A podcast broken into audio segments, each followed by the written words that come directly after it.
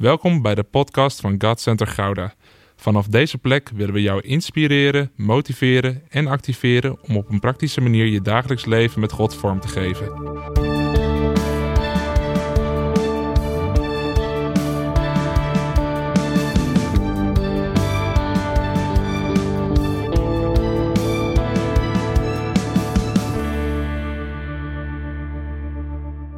Hey, wat leuk dat je weer luistert naar deze podcast.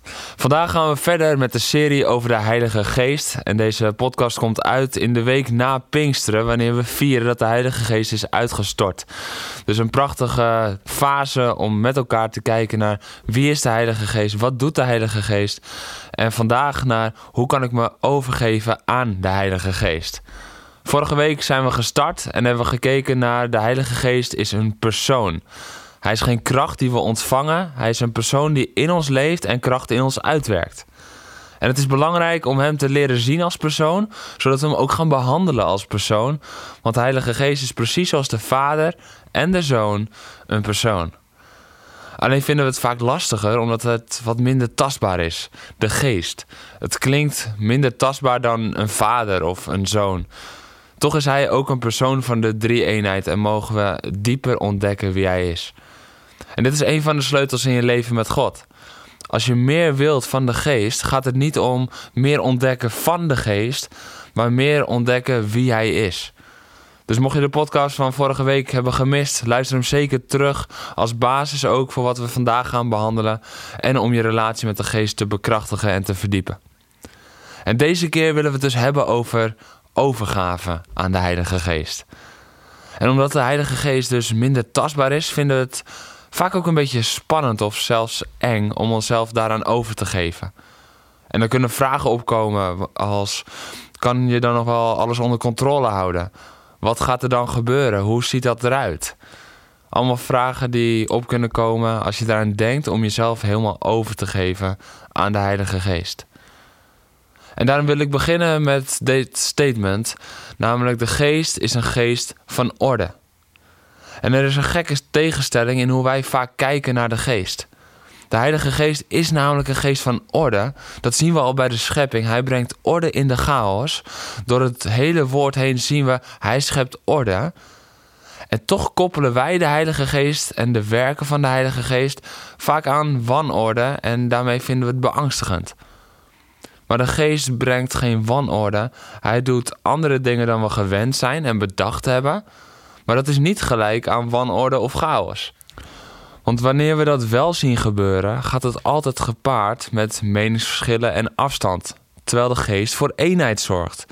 Dus de geest kan nooit voor wanorde en chaos zorgen. Dat is het moeilijke aan het werken van de geest. We moeten ze keer op keer blijven onderscheiden van menselijke werken en gedachten want door werken en woorden van mensen te bestempelen als die van de geest, beoordelen we de geest er vaak niet helemaal eerlijk op. En de gevolgen zijn dan dat we terughoudend worden voor zijn werken, omdat we bang zijn voor de chaos die het heeft veroorzaakt. Terwijl zijn werken altijd eenheid en orde brengen. Maar we hebben de menselijke werken verward met de krachtige werking van de geest. Wanneer wanorde, oneenigheid of afstand de vrucht zijn, is het niet de werking van de geest, maar dat is het werk van mensen geweest. Dat is een belangrijke om te onthouden. Het is een handvat om continu goed te onderscheiden: was dit de Heilige Geest of was het iets van mezelf? Was dit de Heilige Geest of was dit iets van anderen? De Heilige Geest doet stap voor stap. Hij behoudt orde. Hij gaat nooit over jouw grenzen. Dus hoef je nooit bang te zijn voor de werken en de woorden van de Heilige Geest. En voordat ik met je wil kijken naar een prachtig verhaal uit de Bijbel over de Heilige Geest, is het even nodig om wat uit te leggen over de typebeelden die de Bijbel gebruikt. De Heilige Geest wordt namelijk met veel typebeelden zichtbaar door de Bijbel. Zo is hij het vuur op Pinksteren. Hij is de duif bij de doop van Jezus. Hij is de olie bij de salvingen in het Oude Testament.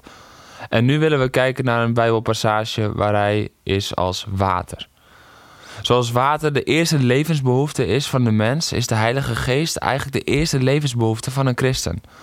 Zonder water drogen we uit en gaan we dood. En zo is het ook dat zonder de Heilige Geest drogen we geestelijk op. En zonder de Heilige Geest is ons leven dood. Een mens bestaat, afhankelijk van zijn gewicht, geslacht en leeftijd, ongeveer gemiddeld tussen de 50 en 75 procent uit water. We kunnen niet zonder. En dit is hoe we de Heilige Geest ook mogen zien in ons geestelijk leven. Hij is onmisbaar en zonder hem kunnen we niet. Hij is de bron die in ons leeft, die in ons ontspringt door het offer van de Heer Jezus. En dan wil ik nu met je kijken naar Ezekiel 47. Daar zien we dat Ezekiel een visioen van God krijgt van de nieuwe tempel. En vanuit die tempel stroomde water, het typebeeld van de Heilige Geest. En we lezen dat dit onder de drempel van het huis uitkwam en oostwaarts ging. En hier kunnen we verschillende dingen al uit leren voor ons eigen leven. De deur van de tempel is gericht op het oosten. Dat is ook de plaats waar de zon opkomt. Het staat voor het begin van de dag. Ook staat het voor een nieuwe dag. En Jezus Christus kwam ons uit de nacht halen, uit de duisternis halen, om in een nieuwe dag te brengen. Wij gingen van het duister naar het licht. En de Bijbel noemt ons nu kinderen van de dag, kinderen van het licht. In 1 Thessalonicense 5, vers 4 en 5. Wij behoren niet langer de nacht toe. En dat de poort op het oosten is gericht, laat ons steeds weer terugkomen bij Jezus, die ons uit de nacht heeft getrokken, omdat Hij als licht van de wereld is gekomen en met zijn offer aan het kruis de overwinning op de dood ons heeft overgebracht naar de dag. En daarnaast staat het dus ook voor het begin van de dag. De stroom is gericht op het oosten. Het is belangrijk dat wij drinken uit die stroom aan het begin van de dag. En je zal het misschien wel herkennen dat wanneer je ochtends tijd neemt om je relatie met de Heilige Geest te bouwen, om een tijd te nemen van gebed, van je Bijbel lezen, dat je anders reageert op de situaties die je door de dag heen tegenkomt. Ik herken het in ieder geval wel in mijn eigen leven. Als ik een goede tijd met God heb gehad, ben ik een stuk geduldiger als ik bijvoorbeeld in het verkeer ben. De Bijbel laat steeds weer zien hoe belangrijk het is om de dag met God te starten. De Heilige Geest woont in jou, maar je kan de dag ook heel goed starten zonder dat je bewust bent van zijn aanwezigheid in jou. Dus hij is er wel, maar als je daar niet van bewust bent, is de start van je dag toch heel anders. Het tweede wat opvalt is dat die stroom onder de drempel van de deur vandaan komt. En dit betekent dat we op onze knieën moeten starten. Dat we onze knieën moeten buigen om het water te kunnen drinken, aan te kunnen raken. En daarmee bedoel ik niet dat je elke ochtend heel religieus op je knieën moet beginnen, omdat je anders de Heilige Geest niet ervaart. Wat het ons wel leert is wat is het type beeld van knielen? Waar staat dat voor? En dan leert het ons dat als we knielen, dat we erkennen dat we de Heilige Geest nodig hebben. Niet pas aan het einde van de dag, als we onze dag gaan evalueren, maar het beginnen van elke ochtend als we de dag ingaan, zodra de zon opkomt. Omdat Jezus ons van de nacht naar de dag heeft overgebracht. De stroom komt vanuit de tempel, vanuit de heiligheid van God. Alles wat van God komt, komt vanuit zijn tempel. En daar stond het altaar waar het offer werd gebracht. Het offer van de Heer Jezus. En vanuit het binnenste van die tempel komt daardoor de Heilige Geest naar buiten stromen. Naar jou en naar mij. En een ander type beeld waar we zien dat de Heilige Geest ook water is, is in Exodus 17, vers 6. Als er op de rots wordt geslagen door Mozes en stromen van water zouden uit die rots komen. En Jezus staat voor de rots die geslagen werd. En water komt daaruit tevoorschijn doordat de rots zich liet slaan. De stromen van het water komen altijd vanuit het kruis, waar Jezus voor ons werd geslagen. Daarom wijst de Heilige Geest ons altijd naar Jezus, want Hij is de bron van waaruit het water afkomstig is. En wat we dan vervolgens zien is hoe Ezekiel stap voor stap wordt meegenomen tot het een hele rivier is. Het, is, begint als een stroom van onder de drempel, maar het wordt een hele rivier. En dat is mijn volgende punt. De Heilige Geest werkt stap voor stap. In de versen 3 tot en met 5 van het hoofdstuk lezen we hoe Ezekiel stap voor stap wordt meegenomen door de man in het verhaal. En hij wordt steeds dieper de rivier ingeleid. Het water neemt steeds meer toe, het wordt steeds dieper, tot ze op het punt komen waar het water een rivier is geworden en een mens het niet meer kan doorwaden. En het woord doorwaden betekent dat je op eigen kracht nog ergens doorheen kunt gaan. We zien dus dat Ezekiel in fases naar nieuwe dieptes mag gaan en de man leidt hem. Deze man wordt verschillend uitgelegd. Hij staat volgens sommige uitleggers voor de Heilige Geest zelf. Anderen zeggen dat hij Jezus was. In de Statenvertaling wordt hij met een hoofdletter geschreven, wat duidt op in ieder geval de goddelijkheid van de man. En of het dan de Heilige Geest is of Jezus, dat staat dan nog even tussen haakjes. Wat in ieder geval duidelijk wordt, is dat Ezekiel niet zo in het diepe wordt gegooid. Maar hij gaat langzaam dieper en dieper. De man meet iedere keer 1000 L en dan komt het water weer tot grotere hoogte. Hij laat zien hoe belangrijk het is om continu in een wandel te zijn met de Heilige Geest. Iedere keer stap voor stap verder te gaan. Het is een proces. En hij wil je dan niet in het diepe gooien, omdat hij weet dat dat niet goed voor je is. Maar stap voor stap mogen we wennen aan de nieuwe diepte en gaat hij met ons verder. En dat is eigenlijk net als wanneer je naar het zwembad gaat. Misschien ken je dat wel. Dat als je in één keer in het water wordt gegooid of gedeeld of je springt er in één keer in, dan is je eerste ervaring met het water meestal slecht. Het is koud, je bent niet helemaal voorbereid en je bent er nog niet helemaal klaar voor. Zeker als iemand je een duwtje geeft. Misschien heel herkenbaar. Maar je eerste reactie is dan, bij mij in ieder geval, om zo snel mogelijk weer naar de kant te gaan, eruit te klimmen en weer op te willen warmen. Als je bij een meertje of bij een zee het water rustig inwandelt, dan heb je eigenlijk steeds meer tijd om te wennen. Eerst komt het tot je enkels, dan tot je benen, dan tot je middel. En stap voor stap kan je wennen aan het water. Dus ook als het water dan koud is, word je er niet door bevangen. Maar je hebt de tijd om te wennen en rustig, stap voor stap, een beetje dieper te gaan. En zo is de Heilige Geest ook in jouw leven.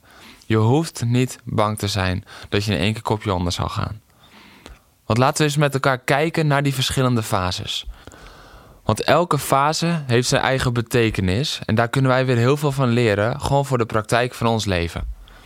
En het eerste wat we zien is dat Ezekiel wordt meegenomen het water in tot zijn enkels. Onze voeten worden daar schoongewassen. Zoals Jezus de voeten van zijn discipelen waste, wast het water van de rivier onze voeten schoon. En ik geloof dat dit staat voor een stukje bekering van onze wandel. Wanneer we tot Jezus komen, bekeren we ons van ons oude leven. De realiteit van ons leven is ook dat we elke dag nog keuzes moeten maken. Onze voeten kunnen ons brengen op goede plekken, maar ook zeker op verkeerde plekken. Dus je voeten staan voor de wandel die je hebt. En het eerste wat de Heilige Geest wil doen, is je voeten schoonwassen. Hij verlangt ernaar om je wandel te heiligen. En dat gebeurt niet door keihard strijden tegen het vuil aan je voeten, maar dat gebeurt door hem te volgen het water in. Daar spreekt ook weer die genade uit. Je hoeft het niet zelf te verdienen. Je kan jezelf niet schoonwassen. Maar dat is het werk van Jezus door het werk van zijn Heilige Geest heen. En dan komt Ezekiel bij de volgende fase. En dan komt het water tot zijn knieën. En we hebben het al even over knielen gehad. Wat alles te maken heeft met je knieën. En eigenlijk is de vraag: voor wie zijn jouw knieën bestemd? Ben je bereid om te buigen voor God of voor de wereld? Ben je bereid om je eigen ideeën te laten varen? Of zijn ze belangrijker dan de manier waarop God werkt? Deze fase spreekt over een stukje toewijding. Durven we onze knieën toe te vertrouwen aan de Heilige Geest? En dan zeggen we eigenlijk tegen Hem dat Hij zijn weg mag gaan. Dat we Hem vertrouwen. Dat we ons leven aan Hem toevertrouwen. Een stuk toewijding de betekenis van het water tot de knieën. Vervolgens zien we dat het water tot de heupen komt. En in de Bijbel is de heup altijd een teken van kracht. Dit is ook de reden dat Jacob werd geslagen op zijn heup, zodat hij dagelijks zou erkennen dat de Heer zijn kracht was. Hij deed jarenlang alles op eigen kracht, maar die dag werd hij afhankelijk van de kracht van God. En dan is de vraag: ben jij bereid om niet langer op eigen kracht te leven, en de kracht van de Heilige Geest wordt dan pas zichtbaar in jou op het moment dat je je eigen kracht opgeeft. Wanneer jij beseft dat je het zelf niet hoeft en niet kan, kan de kracht van de Heilige Geest jouw kracht worden. Niet langer vanuit jezelf, maar vanuit Hem. Wat een prachtige, diepe boodschap heeft God in dit visioen voor ons neergelegd. En dan komen we bij de laatste fase, en dat is misschien wel de meest spannende. Want we eindigen met volledige afhankelijkheid. De profeet voelt dan geen grond meer onder zijn voeten. Hij kan niet langer waden, hij kan niet langer dus zelf door de rivier lopen, zichzelf erdoor voortduwen. Nee, maar hij moet zwemmen. Stap voor stap heeft de man met het meelint hem meegenomen. Maar nu moet hij zich overgeven aan het water. Elke stap hiervoor was hij nog verbonden met het aardse, met de grond onder zijn voeten, maar hier is totale overgave noodzakelijk. Hij kan niet anders dan het water vertrouwen en zich eraan overgeven. En dat is waar de Heilige Geest uiteindelijk met jou naartoe wilt. Ben je bereid om je helemaal over te geven? En nogmaals, dan vraagt hij niet om in één keer in het diepe te springen, maar hij wil met jou aan de wandel gaan. Hij wil met jou stap voor stap dat water door, totdat jij op het punt bent gekomen dat je er klaar voor bent. Hij forceert niet, maar hij leidt jou. En hij gaat niet over jouw grenzen, maar hij verkent jouw grenzen samen met jou. Dat is het hart van de Heilige Geest. En dan kom je op dat punt dat je zegt: Ik ben nu klaar om me volledig over te geven aan Hem. Want ik heb Hem leren vertrouwen in alle stappen hiervoor. Ik weet dat Hij goed is door alle stappen hiervoor. En nu wil ik geen stap meer, maar wil ik zwemmen. Zwemmen in die rivier, vol overgave. En dan als we richting het slot gaan van vandaag, wil ik eindigen met wat er dan zo mooi staat over de uitwerking van die rivier. Want later in dit hoofdstuk ziet Ezekiel ook wat er voortkomt uit die rivier. De Heilige Geest brengt leven overal waar hij komt. We zien het in de schepping. We zien het wanneer God zijn levensadem in de mens blaast. We zien het met Pinksteren. En ook in dit beeld van de Heilige Geest zien we het weer. Want dan staat er dat de rivier brengt leven overal waar die komt. Zowel op het land als in de andere wateren. De Bijbel leert ons dat overal waar de beek komt, alles zal leven in vers 9.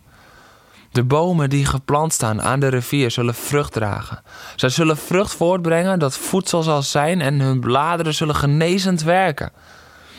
Wanneer wij ervoor kiezen om ons door de Heilige Geest te laten leiden en met Hem te leven, zullen we zijn als die boom langs die beek.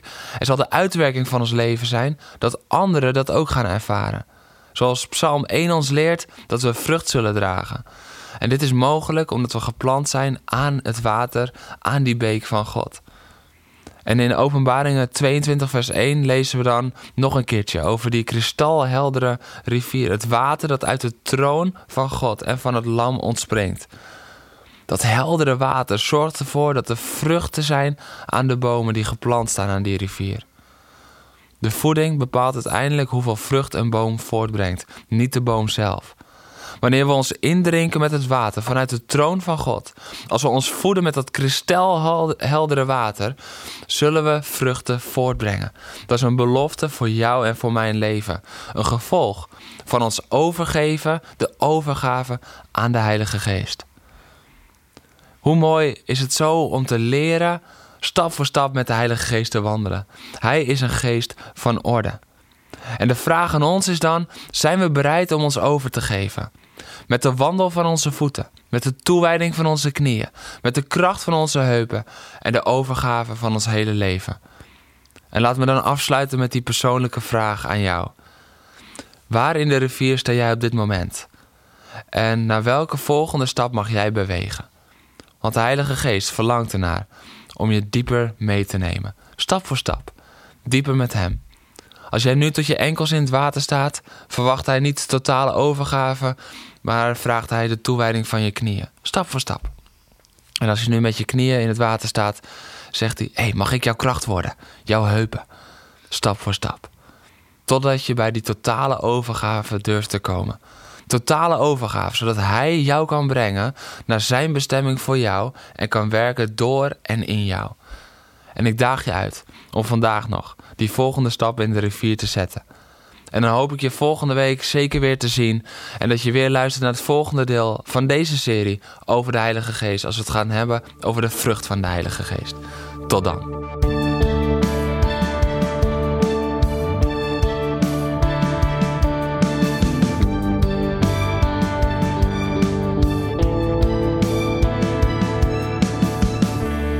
Bedankt voor het luisteren naar deze podcast. Volg ons op onze kanalen om verbonden te blijven. Heeft deze aflevering jou geraakt? Deel dan op je socials en tag ons, zodat we samen meer mensen kunnen bereiken.